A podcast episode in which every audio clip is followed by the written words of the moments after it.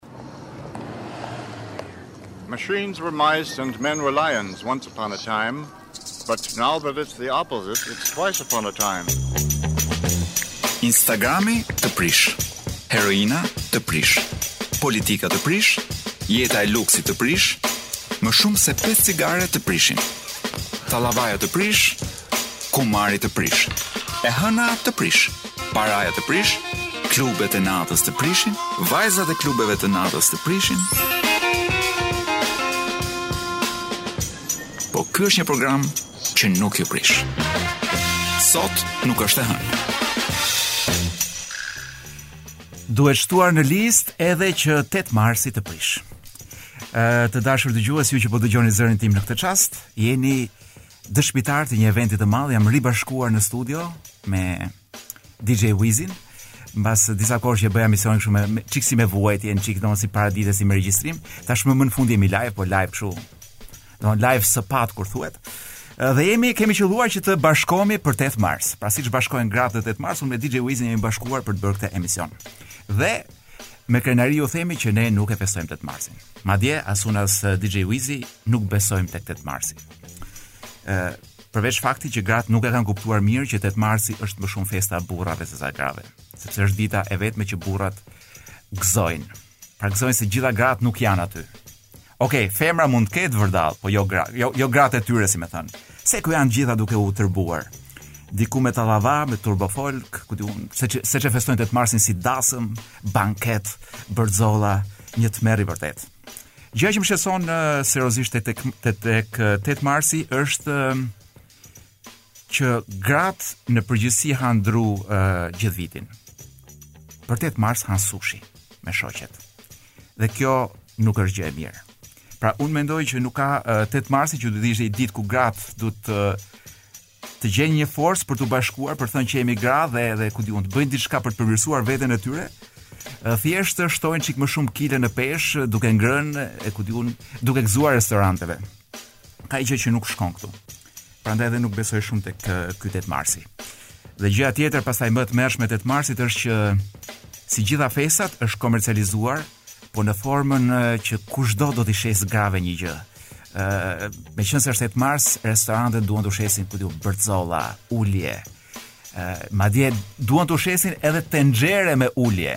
Pra dita ku gratë duhet të çliroheshin, në fakt dikush po u shet tenxhere duke u thënë që ju jeni atje, uleni kokën se në kuzhinë e keni vendin, por me 8 mars e merrni falas, një tenxhere ose një ku di unë, një kazan për të larë për të larë lëveret.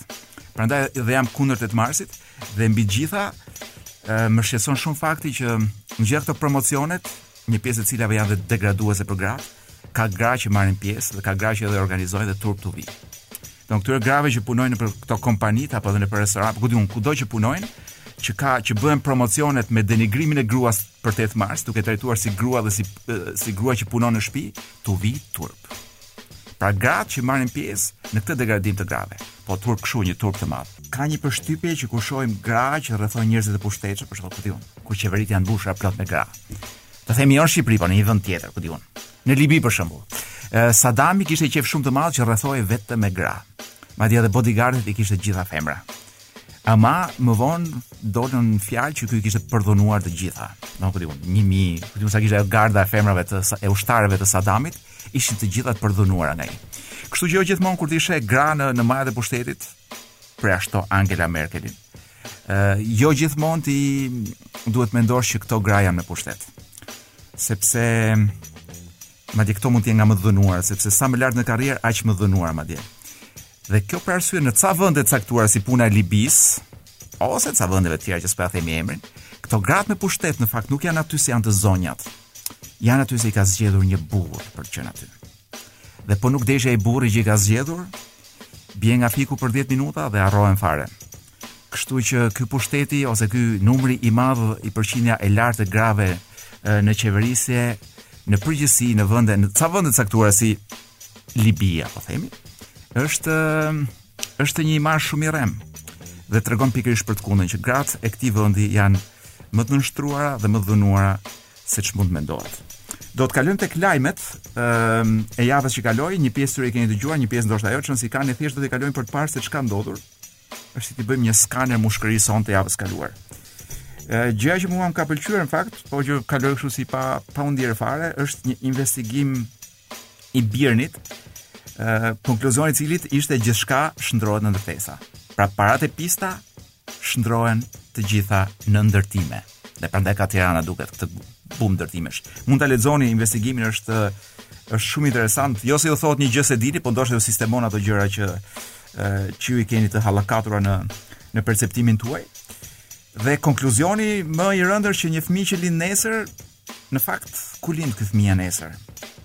Mbase lind dhe sonte në darkë, që mos zihemi për orarin e lindjes. Lind në fakt në spitale të bëra me para të pista, shkon në kopshte të bëra me para të pista, shkon në shkolla të bëra me para të pista, humb virgjërinë në hotele të bëra me para të pista. Punon në kompani me të bëra para të pista, pushon nëpër resorte të bëra me para të pista, zihet në parkim Për parkimin që gjendet në ndërtesat e bëra me para të pista, pra, ç't'ju them, meqenëse ndërtimet janë gjitha të bëra me para të pista, gjithë jeta që do bëjmë aty brenda, do jetë paksa e pisët. Domethënë, unë nuk shqetësohem për vete, shqetësohem për DJ Wiz dhe kalamajtë e tij, sepse kalamajtë e DJ Wiz do jenë gjenerata lavatrice. Domethënë, ore se fjala lavatrice është fjalë e bukur, do jenë gjenerata leckë, thënë të mamë. Sepse këta vetë nuk janë lavatriçe, këta janë lecka që lahet brenda lavatriçes. Do një leckë që ke parasysh ato lecka që lahen aq shumë sa që bëhen rrecka pastaj fare. Ja qaj hallin gjeneratës së re dhe këtij fëmijës që do lindë sonte në darkë me 8 mars, pra minutat e fundit të 8 marsit, ndoshta lind nesër në mëngjes në minutat e para të 9 marsit. I shkreti fëmijë. Ku po vjen? Ëh, Lajmi tjetër, ë Ramës i kanë kërkuar drita në Lezhë dhe përgjigja e Ramës ka qenë pa. Po këta çfarë ka mundë që këta janë nga koha e elektrifikimit, që elektrifikimi ka ndodhur në vitet 1960, 1970. Dhe faji është atyre që kanë bërë atëherë, domethënë që që s'ka drita në Lezhë. Dhe për, dhe përgjigja e kryeministrit ishte një përgjigje filozofike prej njeriu të madh të ngritur siç është ai, edhe i ditur. Dhe i tha durim, durim, durim. Pra mbas 8 vjetësh prap durim, durim, durim. Unë dua të vë në dukje që këta burrat e Lezhës shumë të dobët dolën. Tashi duruan duruan 40 vjet, 50 vjet me ato linja. Tashi s'e durojnë dhe nja 30 të tjera, mua më duket çik kshu. Dhe me një ankesë e kur ia bëjnë ankesën pikërisht përpara zgjedhjeve. Kur ky shkon t'i takojë për t'u marrë votën. Turp që t'u vijë, lezhjanëve. Don lezhjanëve që bëjnë durim. Apo lezhjanëve që s'bëjnë durim. Ë, uh, pastaj me siguri e keni marrë vesh të punën e hekurudhës së vjedhur, domethënë që be, gjëja që më pëlqeu tek hekurudha është që nuk kemi dëgjuar në këto 30 vjet të flitet për hekurudha. E vërteta është që kombet më të mëdha në në Europë, po t'i shihni, janë kombe që kanë hekurudhën shumë të zhvilluar edhe sot e kësaj dite, për Zvicra, Gjermania, Italia, Franca, Anglia, Pra hekurudha është simbol shumë i fortë i zhvillimit të një vendi. Ktu është harruar hekurudha, del befas një muaj para zgjedhjeve dhe na del në 3D kështu, do po del një hekurudhë që më duket sikur fluturon në ajër, dhe që marrim vesh që ë ky projekti 3D na qenka vjedhur në Katar. Ore pse nuk i vjedhim atë kampionatin e futbollit të Katarit, po i vjedhim të projektet e hekurudhave. Ç'të them? Kryeministri e mendon, domethënë unë mendoj që kryeministri di një shprehje që artisti i madh vjedh. Dhe këtu kemi një zbatim në kuptimin e plotë të fjalës. Sepse megjithëse unë do thosha që që të vjedhësh, duhet të jesh artist në radhë parë po nejse. Eurostati ka thënë që veriu i Shqipërisë është rajoni më i varfër i Evropës, Ëh, dhe ne nuk e dinim këtë gjë. Nga ta dim ne, sepse gjitha që çfarë dim ne për veriun e Shqipërisë janë fotot e gocave në Instagram. Dhe na duket një vend që themi ba ba ba, ba, lum si ajo dhe Zvicra e Shqipërisë. Jo, qenka qenka rajoni më i varfër i Evropës. Tashmë edhe Instagram s'do ketë më se edhe Valbonën e shkatërruan. Kemi edhe ikjen e mjekut Tritan Kalo nga Komiteti Teknik i Ekspertëve, ë uh, un për komitetin ë uh, më duhet të them që për komitetin nuk kam pasur kurrë respekt për përjashtim të Tritan Kalos, që është mjeku që më ka kuruar mua dhe ishte një zotni burrë. Ë uh, mirë ka bërë që ka ikur nga një komitet që nuk është as komitet, është një komitet kafe që bën ca muhabete kafene dhe nuk i pyet njeri. Dhe e fundit për ta mbyllur me këto lajmet, një gjë që mund t'ju ketë shqetësuar, mund dhe mos ju ketë shqetësuar. varet nëse shihni klanin apo kanale të tjera. Ë është zbulimi i kësaj marrëveshjes Rama Erdogan ku thuhet që do rishikohet historia dhe do futet turqishta në shkolla. Është ky rishikimi i historisë duhet bërë, sepse ne historinë do ta bëjmë siç do Erdogani. Unë nuk e di pse kemi zgjatur kaq shumë. Ë po për futjen e turqishtes unë nuk mendoj se don, pse duhet mjafton që t'i blesh njerëzve një abonim për një regjistrim te klani, pra të shohin klanin 24 orë në ditë edhe Është momenti i librit të javës. Librin e kam me vete këtu në studio. Dhe do lexojmë diçka nga dialog me Alda Bardhylin të Kadares. Libri titullohet Kohë për rrëfim. Është është botuar, ja të gjej nga Onufri, është botuar nga Onufri, është i sapodalë, është taze fare, domethënë është viti 2021 dhe ë uh, në qoftë se keni pasur ndonjëherë kuriozitet për Kadaren, e keni pra ka shumë gjëra që mund të gjeni në këtë libër. Ka shumë gjëra personale dhe është uh, realisht një një mënyrë për ta parë Kadaren Ëh, siç nuk e keni parë ndonjëherë. Dhe më duhet të them që dhe ata që nuk e kanë lexuar Kadaren kanë dëgjuar për Kadaren. Dhe është nga të paktët artistë në këtë vend që ka këtë luks. Pra që njerëzit kanë dëgjuar për të, edhe në qoftë se nuk e kanë parë veprën apo po nuk ia kanë lexuar librat. Kështu që unë do ju ngucja që ta ta shfletonit këtë libër dhe ky është një rast shumë i mirë sepse ë uh, Top Albania Radio në bashkëpunim me bukinist.al ka hapur një iniciativë. Ju në qoftë se klikoni në listën bukin më fal në linkun në lidhjen bukinist.al brenda këtyre dy orëve, pra deri në orën 8 sot, dhe në qoftë se fusni atje ë uh, kuponin me emrin Top Albania Radio. Kuponi kuptohet që nuk është letër, pra por është një vend për të futur këtë ë po themi këtë fjalëkalimin Top Albania Radio. I pari që e bën këtë gjë mund ta marrë këtë libër falas, pra mund të marrë librin Kohë për rrëfim, që është një dialog i Kadares me Alda Bardhylin, Mund ta marrë falas. Por edhe në qoftë se nuk je i pari fare, po je po themi i 800-ti, e thua po si mor s'isha i pari, ë ka prap një ulje prej 20% për librin. Në qoftë se ky libër në mënyrë specifike nuk ju intereson ose ju mund ta keni, ju do të keni mundësinë që të blini çfarëdo lloj libri tjetër të Kadares, çfarëdo lloj libri tjetër të Kadares, po duke u duke u futur në e, faqen bukinist.al, Aty do të gjeni uh, të gjitha udhëzimet. Duke futur kodin Kadare, ju prapë mund të blini çfarëdo libri të Kadaresë me 20% ulje që më duket një goxha deal uh, dhe më forta që është që librat vlejnë si për burra edhe për gra. Paraja të prish, e hëna të prish. Walking away from Po ky është një program që nuk do të prish. Sot nuk është e hënë. Dhe lind pyetja, po Kadareja të prish? Këtu janë disa njerëz që mund të japin përgjigje kësaj pyetje, por uh, e jep edhe libri këtu, libri i Alda Bardhylit, Kohë për rrëfim, e cila e ka zbërthyer mirë Kadaren. Në këto, me sa di unë kanë ndenjur një 2-3 vjet duke u marrë me Kadaren, duke i marrë intervista, duke folur, biseduar. Dhe e kanë nxjerrë këtë libër, siç thashë, një botim i Onufrit. Dhe siç ju thashë, ju mund ta blini po të futeni në bukinist.al Pra i pari që uh, futet tek bukinist.al dhe fut kodin Top Albania Radio e merr falas librin. I dyti deri tek i 40 mijti e marrin me 20% ulje. Të librin që kam unë në dorë. Pra po ta blini në dyqan është or s'e gjej çmimin. Është është sa. Por këtu e merrni me 20% ulje. Sikurse dhe gjithë librat e tjerë të Kadaresë i blini me njëzet për qind ulje tek bukinist.al duke futur kodin Kadare.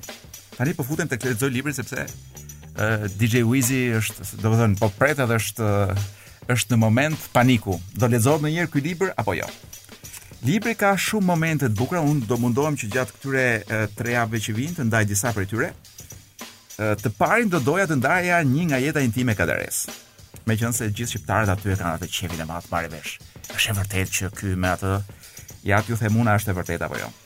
Po e hap librin. Uh, autorja i thotë Kadaresë, pra e pyet, pas kthimit nga Rusia, një moment i rëndësishëm në jetën tuaj ishte dhe njohja me atë që do të bëhej më vonë bashkëshortja juaj Helena. Si e kujtoni njohjen me të? Dhe përgjigjet Kadareja. E keni të gjithën shkruar të një Helenën e kam njohur që kur isha në Moskë. Kisha një shok, student tjetër nga Shqipëria në Institutin Gorki, shkrimtarin Dhimitër Xhuvani, me të cilin shëtisnim shpesh në sheshin kryesor të Moskës, ku ishte edhe Hotel Moska. Atje një herë në javë shitej shtypi i atyre vendeve që quheshin demokraci popullore, si dhe shtypi shqiptar. Në gazetën Zëri i Rinisë ishte një shkrim i Helenës dhe Xhuvani më thotë: "E sheh këtë vajzën këtu në foto? Është më e bukur sesa duket këtu." Ah, thashë unë. Tha, tha Kadareja. Sa interesante. U ngjante vajzave ruse. Më tha, nëse unë i shkruaja një letër, ku i shprehja mendimin për shkrimin, ajo do të më shkruante një, një letër 10 fish më të madhe. Dhe fjalët e Xhuvanit ishin si të një magjistari. Ashtu ndodhi vërtet. Unë lexova shkrimin e saj dhe i shkrova një letër, ku ndër të tjera i shkruaja. Lexova shkrimin tuaj dhe më pëlqeu shumë. Jam një student në Moskë. Pika pika pika. Nuk vonoi shumë kur në dhomën time mbërriti një zarf që mbante sipër emrin e saj. Më kishte shkruar një letër disa faqe dhe brenda ishin disa lule të thara. Hmm. Po unë nuk iu përgjigja më. E ndërpreva komunikimin. E mendova si një vrull dashurie që i hipën një gjimnaziste. Helena pati një histori të çuditshme, të ngjashme me vajzën e kursit të letërsisë, të cilën nuk e linin të shkonte në fakultet pa u fejuar. Pasi familja nuk e besonte se në Tiranë vajza do të ishte e parrezikuar. Kështu ata i vunë këtë kusht dhe Helena e kishte kaq të pamundur të refuzonte universitetin, saqë pranoi pa u interesuar fare se kush ishte i fejuari. Helene, Helena erdhi në Tiranë në universitet e fejuar. Kisha një muaj që isha kthyer nga Moska, kur një ditë në rrugë takohemi rastësisht. Ishte me një kushërirën e saj, të cilën e njihja. Ishte shumë e bukur. Dhe këtë do, do ta lexoj ndryshe. Ishte shumë e bukur. Më tërhoqi menjëherë portreti i saj. U skuq në fytyrë kur më pa dhe tha: "S'iu përgjigje atëherë letrave të mia. Më fal i thashë, po kam qenë rrëmujë." E marr me mend, tha ajo. U, prit, dhe këtë do ta lexoj ndryshe. Si mund ta ketë thënë Helena në atë kohë? E marr me mend. E marr, ja, nuk e them dot. Nuk bëhem dot si Helena. Më pas shkëmbyem numrat e telefonave dhe nisëm të takoheshim. Helena harroi fare që ishte e fejuar. E kujtoni takimin tuaj të parë? E pyet Alda Bardhyli. Po. Ndodhi në apartamentin tim. I shtrirë në shtrat. I them. Helena, mund të më puthësh? Ajo ma ktheu me një po të turpshme. Mos ki drojë, i thashë, duke i marrë dorën e duke e puthur ngadalë. Ore, ku i kishte mësuar? I ka mësuar në Rusi dreqi të gjitha këto. Po, po. Si mos si mos lëshoheshe mas këtij. Ja ja, edhe pak kam, edhe pak DJ. Vazhdojmë eh, leximin. Mos ki drojë, i thashë, thon, i tha Kadareja, duke i marrë dorën e duke e puthur ngadalë. Pastaj i thashë, do të shtrihemi? Ka shumë dritë, m'u përgjigj. Po mirë. presim errësirën. I thashë. Unë e dija se ajo ishte e fejuar dhe fillova tentativat e zhveshjes. Por Helena vazhdonte të ishte e ndrojtur dhe i them: "Pse bën sikur nuk e di ç'do të ndodhë?" "Nuk e di," më thotë. "Mos do të më thuash që je e virgjër?" i them. Tash unë nuk e vazhdoj dot më leximin sepse këtë do ta lexoj. e para koha mbaroi dhe e dyta është ndoshta mirë që ta ta merrni e ta mbaroni vetë këtë librin. E, do të vazhdojmë me skanerin tjetër të javës që kaloi. Do të fokusohem pak tek ngjarja që për mua ishte ngjarja më interesante e gjatë gjithë e, e gjatë gjithë ditëve të javës së shkuar. Dhe përveç Sarkozis, ish presidentit francez që dënohet, që edhe kjo ishte një ngjarje që meritonte ë të shihej më vëmendje, pra pres, ish president që dënohen për para të pista, pra para të futura në fushat elektorale, pra.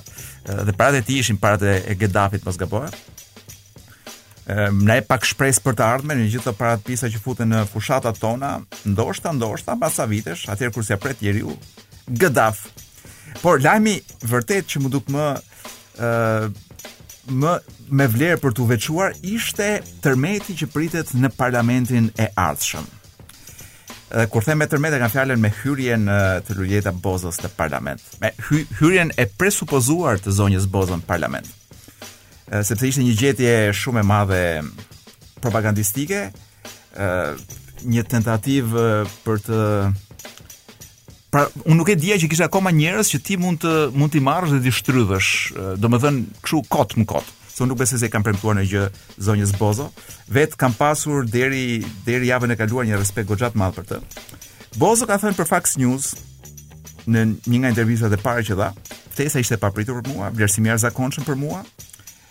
patëm dje një takim me zotin kryeministër, unë hezitova tha për disa arsye që sipas Bozos lidhen me moshën, pavarësisht se sipas saj truri i punon akoma në rregull. Tash kjo pjesa truri që punon akoma në rregull ka disa kritere për ta përcaktuar dhe një nga kriteret është pse po merr moj zonjë pjesë në Domethënë, a ke ndonjë kritikë për qeverisjen? Që është pyetja e parë dhe këtu është ky është verifikimi i trurit në rregull. Uh, por unë do thoja që nuk është në fakt nuk është faj shumë i Luljetës sepse sigurisht ajo nuk e mban dot sharmin e kryeministrit. Ajo tërmetin e mbajti, me thënë të drejtën, dhe e mbajti mirë goxha. Po, këtë uraganin e kryeministrit kur të vjen në shpi ashtu i gjatë e ku di unë. Ky, do në uraganin, sharmantin, latin loverin e qeverisë. Jo, German loverin, nuk është më latin, është më shumë gjerman nga stili. Nuk e mban dot Luljeta e shkretë. Dhe unë do thoja që ndoshta sharmi i kryeministrit Rama me këto zonjat e vjetra, duhet të konsiderohet seriozisht për t'u regjistruar si fatkeqësi natyrore. Dhe duhet të vënë grada të ndryshme, Çfarë duhet të bëj? Tani kam një komunikim të brendshëm me DJ-n. Ta lëmë emisionin ta mbyllim ra tërmet, çfarë ndodhi? E kuptova. Kemi kemi një tërmet kështu të brendshëm, do të vëmë një këngë, ç'të them. Ë po po flisim për zonjën Bozo, e cila ë a po thoja për këtë për regjistrimin e sharmit të Ramës si fatkeqësi natyrore sepse Tashmë u pa që dëmton sidomos pleqtë. Dhe duhen marrë masa për këtë gjë. Pleqtë, që mbasi i ka lënë n'hije për nja 20 vjet. Befas u shkon për një kafe dhe i trondit, i shakullon. Pra, s'mjafton pensioni i ulët, po shkon dhe Rama. Do si s'u mban zemra pleqve shkretë nuk e di. Bozo ka thënë, jam e qartë në gjëra që kërkoj dhe këtu do doja të dija programin e saj për zgjedhje. Ëh, vendosa ta pranoj dhe duke parë konsideratën që kanë njerëzit për mua, unë mendoj që duhet të bënte të kundërtën për shkak të konsideratës nuk duhet ta pranonte. Ë për mua leku nuk është kryesori në jetë, e besoj këtë gjë. Dua që t'ju shërbehet njerëzve. Atëherë kam idenë që është në vendin e gabuar. Po ajo me siguri po mendon që, "Oh, kemi një këngë. Ah, sa do të doja të flisja për zonjën Bozo?" Ç'të them, do doja ta pyesja të dija si do ndihet kur të jetë në të njëjtin rresht me kriminelët e Shqipërisë me të kërkuarit e Interpolit aty në parlament, po do vijë dita që t'ia bëjmë këto pyetje. Ë, kjo kënga ka më shumë vlerë se sa zonja Bozo që të jemi të sinqertë të cilën kisha respekt, po meqenëse ajo është tashmë kandidate për në atë parlament dhe në atë parti, uh, unë le themi që do ta trajtoj si gjithë të tjerët. Kam gjetur në Reddit një postim i cili ka sjellë pjesë nga rubrika Na pyesni dhe ju përgjigjemi e revistës Bleta që botohej në Tiranë e vitit 1944. Dhe jam i mahnitur nga pyetjet, sigurisht dhe nga përgjigjet. Domethënë përgjigjet janë me një inteligjencë që unë nuk e gjej dot sot në shumicën e mediave shqiptare. Pra ata njerëzit që bënin gazetari në atë kohë, unë besoj që kanë qenë ca më lart se këta që bëjnë gazetari tani dhe e them pa asnjë lloj mëdyshje. Por kur ti lexon pyetjet kupton që pra është viti 1940 dhe ti kupton që edhe mas kaq kohësh 44 edhe mas kaq kohësh ti kupton që ne nuk kemi lëvizur as një centimetër nga hallet tona. Unë po lexoj vetëm pyetje dhe tek-tuk ndonjë përgjigje. Ëh, Për shembull, është njëri që pyet, po, rastësisht thotë pashë një vajzë, edhe një herë tjetër e pashë rastësisht. Pamja por sidomos thjeshtësia e saj zgjuen në mua dëshirën për ta dashuruar, por nuk njoh as cilësitë dhe as vetitë e saj. Bile nuk e di as se ç'familje është. Po më thuaj një shqiptar që nuk e ka pasur një herë këtë mendim. Do që nuk di asgjë dhe Është kështu, nis ti nga mbrapa. Ë, vetëm diçka e brendshme më shtyn t'i lyp dorën, pra ky donte të martohej me të parën. Mendoj se kohërat janë shumë të vështira dhe si xhepi ashtu edhe gjendja përgjithësisht nuk më lejojnë ta bëj një hap të tillë. Si të bëj? e pyet gazetën, këtë revistën Bleta. Tani ky është tipikja e shqiptarit që domethënë e ka parë, ia ka hequr zarin dhe është gati për martesë. Por prap tipiku i shqiptarit që kujtohet që s'ka punë, që s'ka shtë, që s'ka shtëpi, ku di un që janë 200 veta me dy dhoma aty në në periferinë e Tiranës, e thos si t'ja bëj. Dhe përgjigja e revistës është kjo. Është mirë të njihesh me vajzën dhe sigurohesh nëse të gjitha që të kanë bërë përshtypje janë të vërteta. Me pak fjalë duhet ta njohësh edhe të të njohë.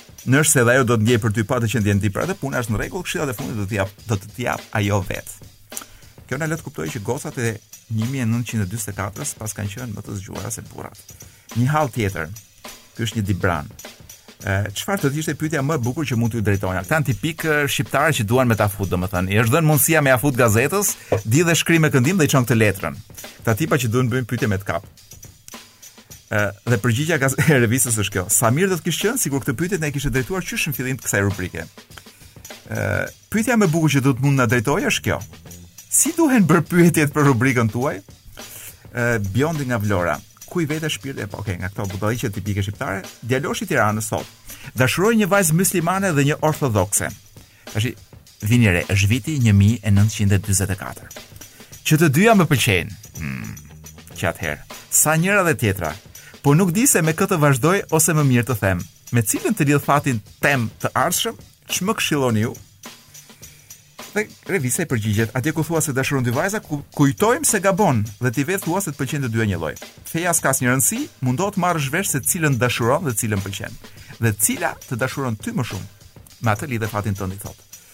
Ë tash më gjej një shok o Uiz i cili do të të jepte ty këtë këto mend po t'i bëje këtë pyetje.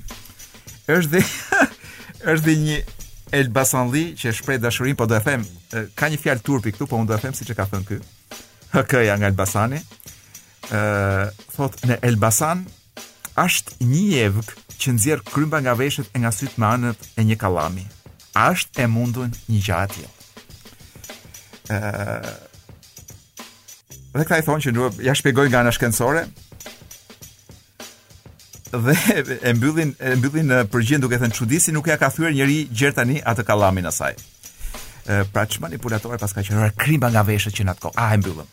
Ka shumë gjëra të bukura këtu, po ju po të futeni në Reddit dhe mund të gjeni. Po ndoshta mund t'i ndajmë në në Instagramin e Top Albanias, shumë bukur. Më duhet të ndaj me ju një filozofi ë të një filozofi që quhet John Gray dhe ka botuar madje edhe një libër. Dhe konkluzioni i këtij libri është shumë i thjeshtë. Ne jemi qenie shumë të mërzitshme dhe shumë të mërzitura. E vetmja mënyrë që ta jetojmë jetën ashtu siç duhet është të mësojmë ta jetojmë si macet. Po përpiqem të kap uh, disa pjesë nga intervista që ë uh, John Gray ka dhënë për uh, Revision Vox. ë uh, ka folur shumë për macet, për qentë me një lloj edhe humori kuptohet. Por thelbi i filozofisë së tij është pikërisht ky, që ne duhet të mësojmë nga macet. por mund t'ju them përpara se t'ju flas se çfarë duhet të mësojmë nga macet dhe pse. ë uh, Ky personi që i bën intervistën, gazetari Sean Illing i thotë, në qoftë se pra, i bën ca pyetje meqë ky ka studiuar mirë macet dhe qentë. I thotë, në qoftë se macet mund të flisnin, ç'mendon se do donin të na thonin? Dhe filozofi Gray i thotë unë mendoj që ne duhet të pyesim veten nëse macet mund të flasin, a do të dukeshim aq interesantë sa të donin të flisin me ne? Dhe pikërisht këtë thotë përpiqem të bëj dhe në librin tim, sepse ky ka botuar një libër me filozofinë për macet. ë uh, Pra, unë përpiqem të kuptoj nëse macet do ta merrnin mundimin të bënin filozofira. Pra, nëse do kishin uh, kapacitet intelektual si njerëzit për ta bërë. Dhe nëse do merreshin me filozofira, jam i sigurt që arsyet pse ata do e bënin, do të ishte krejt i ndryshëm nga njerëzit. Pra, gjëja më e veçantë që kanë macet është që nuk mërziten kurrë thotë ky. Sepse çështja me macet është që çfarëdo gjë që janë duke bërë në çdo moment ata e jetojnë në mënyrë komplete dhe perfekte. Do edhe nëse janë duke ngrënë, edhe nëse janë duke ku di unë duke bërë seks, edhe nëse janë duke fjetur, pra duket sikur macet çdo gjë që bëjnë e bëjnë me një lloj ku di unë përqendrimi edhe përjetimi shumë të madh. Dhe pse nuk e bëjmë dot këtë gjë ne thotë. Dhe kjo është pyetja më e madhe në fakt. ë Sipas këtij filozofit, ne ë në qoftë se nuk jemi thotë në një dhimbje të çastit të menjëhershme, apo në qoftë se pra o dhimbje o o kënaqësi, në qoftë se nuk jemi duke përjetuar, ne mërzitemi. Pra, vetëm kur kemi dhimbje dhe dhe kënaqësi të momentit, vetëm atëherë jemi të angazhuar. Përndryshe, mërzitemi. Edhe nëse nuk mërzitemi menjëherë, mërzitemi do të mërzitemi shumë shpesh, pra shumë shpejt më pas. Pra gjithë gjëra që bëjmë, edhe nëse bëjmë seks, ë uh, fillojmë e mërzitemi më mbrapa. O DJ, të ka të ka rastisur kjo mërzia mbas seksit ty? Të ka rastisur, a? Po si tenton ta shtysh? Jam shumë kurioz. Un un kam un kam pasur se tani nuk kam nevojë tash i bëj bisedë, don e kaloj me biseda të këndshme, atë atë boshllëkun që ndjen ë njeriu mbas seksit. Por dikur kisha një gjithmonë shpika një gjë që më pihej qumësht për shkak, më pihej qumësht dhe sa gëzim që ose s'kishte qumësht tek ajo shtëpia ku isha se dilja për të blerë qumësht. po ka njerëz që përpiqen ose ca kthejnë më më të poshtrit janë këta që kthejnë kurrizin edhe edhe s'dun t'ia dinë dhe i fusin një gjumë Gjithmonë për të mbytur mërzinë e tyre. Ç'ti bësh kryesisht me njerëzit. Po edhe kur pim, pi e pi dhe pastaj thot kap një mërzi mor ti. Ë, ku di unë edhe mbasi hamë ushqim, duam gjithmonë si shpëtojmë nga mërzia, ky është problemi jonë me sa duket. Të cilën ë e dhe e vetmja zgjidhje për të shpëtuar kësaj mërzisë është të mësojmë të mësojmë nga macet. Thot gjithmonë duke lexuar këtë filozofin thot një disa njerëz të pasur, shumë të pasur, të cilët nuk kanë, do kanë shumë para sa që nuk kanë nevojë të djersisin për t'i për t'i ruajtur paratë. Dhe ata e dinë që kanë shumë para, po kanë shumë para deri në mërzi.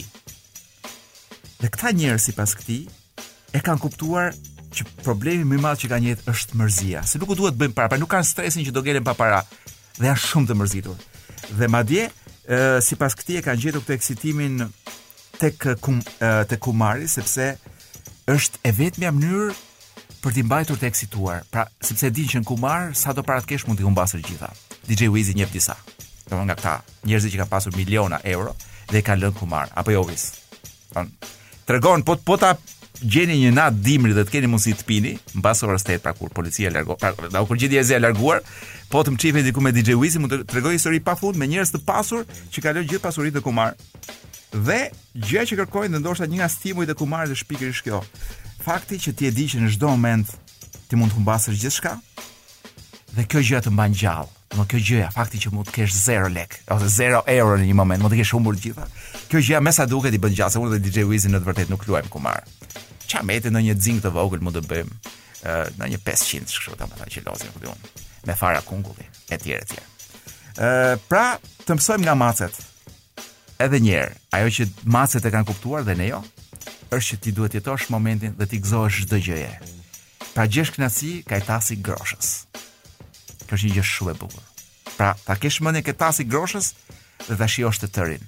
Dhe çdo gjë, edhe kur lan pjatat madje, dhe këtë nuk e këtë ka thënë një filozof, e ka thënë vërtet një budist i madh, një filozof. Kur lan pjatat, që është gjëja më e mërzitshme në botë, Ti duhet të jesh i përqendruar aty.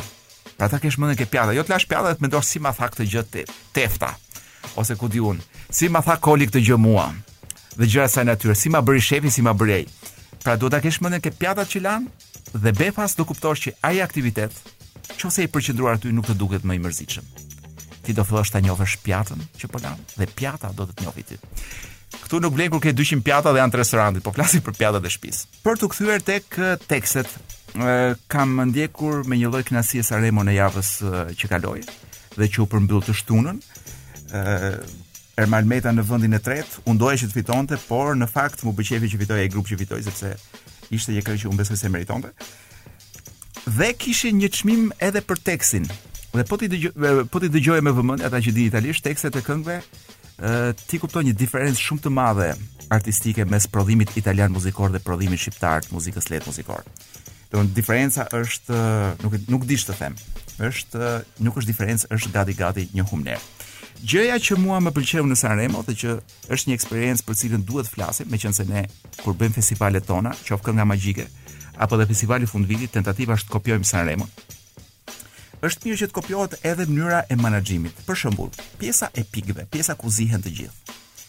Çështja e pikëve ishte zgjidhur në mënyrë shumë të mirë. në fund të fundit kishte disa juri, të gjitha shumë serioze. Orkestra votonte, pra një natë ishte orkestra që votonte këngëtarin, një natë tjetër ishte juria demoskopike, pra njerëz që marrin vesh nga muzika, po shumë njerëz dhe njerëz të të thjeshtë, pra të popullit. Kishte një juri të mediave, një juri profesionale, dhe në fund fare kishte edhe një juri që ishte ajo që vendoste pikët më të mëdha që ishte publiku. Sepse sado idiot na duket publiku dhe këtyre që qeverisin në përgjithësi publiku jonë i duket shumë idiot. dhe sidomos ata që ndajnë çmime mendojnë që publiku nuk di të zgjedhë dhe u takon atyre t'i ndajnë çmimet ta caktojnë kush do të ata e dinë kush është kënga më e mirë unë them që publiku sado budalla që të jetë ka të, të drejtën e vet që ta zgjedhë ai këngën dhe kjo do të ishte një gjë shumë e mirë në qoftë se do të ndodhte për t'u rikthyer tek tek grupi që ka fituar. Maneskin është grup italian roman madje. ë uh, Por titulli i grupit është një ku di unë, se ç'ishte një frazë daneze, ku di unë, se ç'kishte kuptim lëkura e hënës diçka e tillë. Janë vetëm 20 vjeçarë. Dhe kur i pashë në skenë me një lloj energjie, domethënë një luk më nxorën mallin e Marilyn Manson dhe të Alice Cooperit përpara tij. ë uh, Në kitarë ishte një bjonde, Po jo bjonde, po një kështu një një gocë që ti do doje ta kishe ku di unë. Po po të kisha mundësinë të kisha një gocë në atë moshë, do doja që të ishte ajo. Ë e bukur, energjike, e re dhe i gjithë e gjithë gjëja e këngës ishte që ne jemi ndryshe. Domethënë, ë na na ka ikur zari dhe jemi ndryshe. Do ta mbyllim sot dhe do ta hapim uh, mbas një jave emisionin me këtë këngë. Kënga titullohet Zitti e buoni nga Maneskin e dëgjoni ndoshta për herë të parë, ë uh, ndoshta jo në Top Albania Radio. Deri javën tjetër, kështu ju them. Puç puç.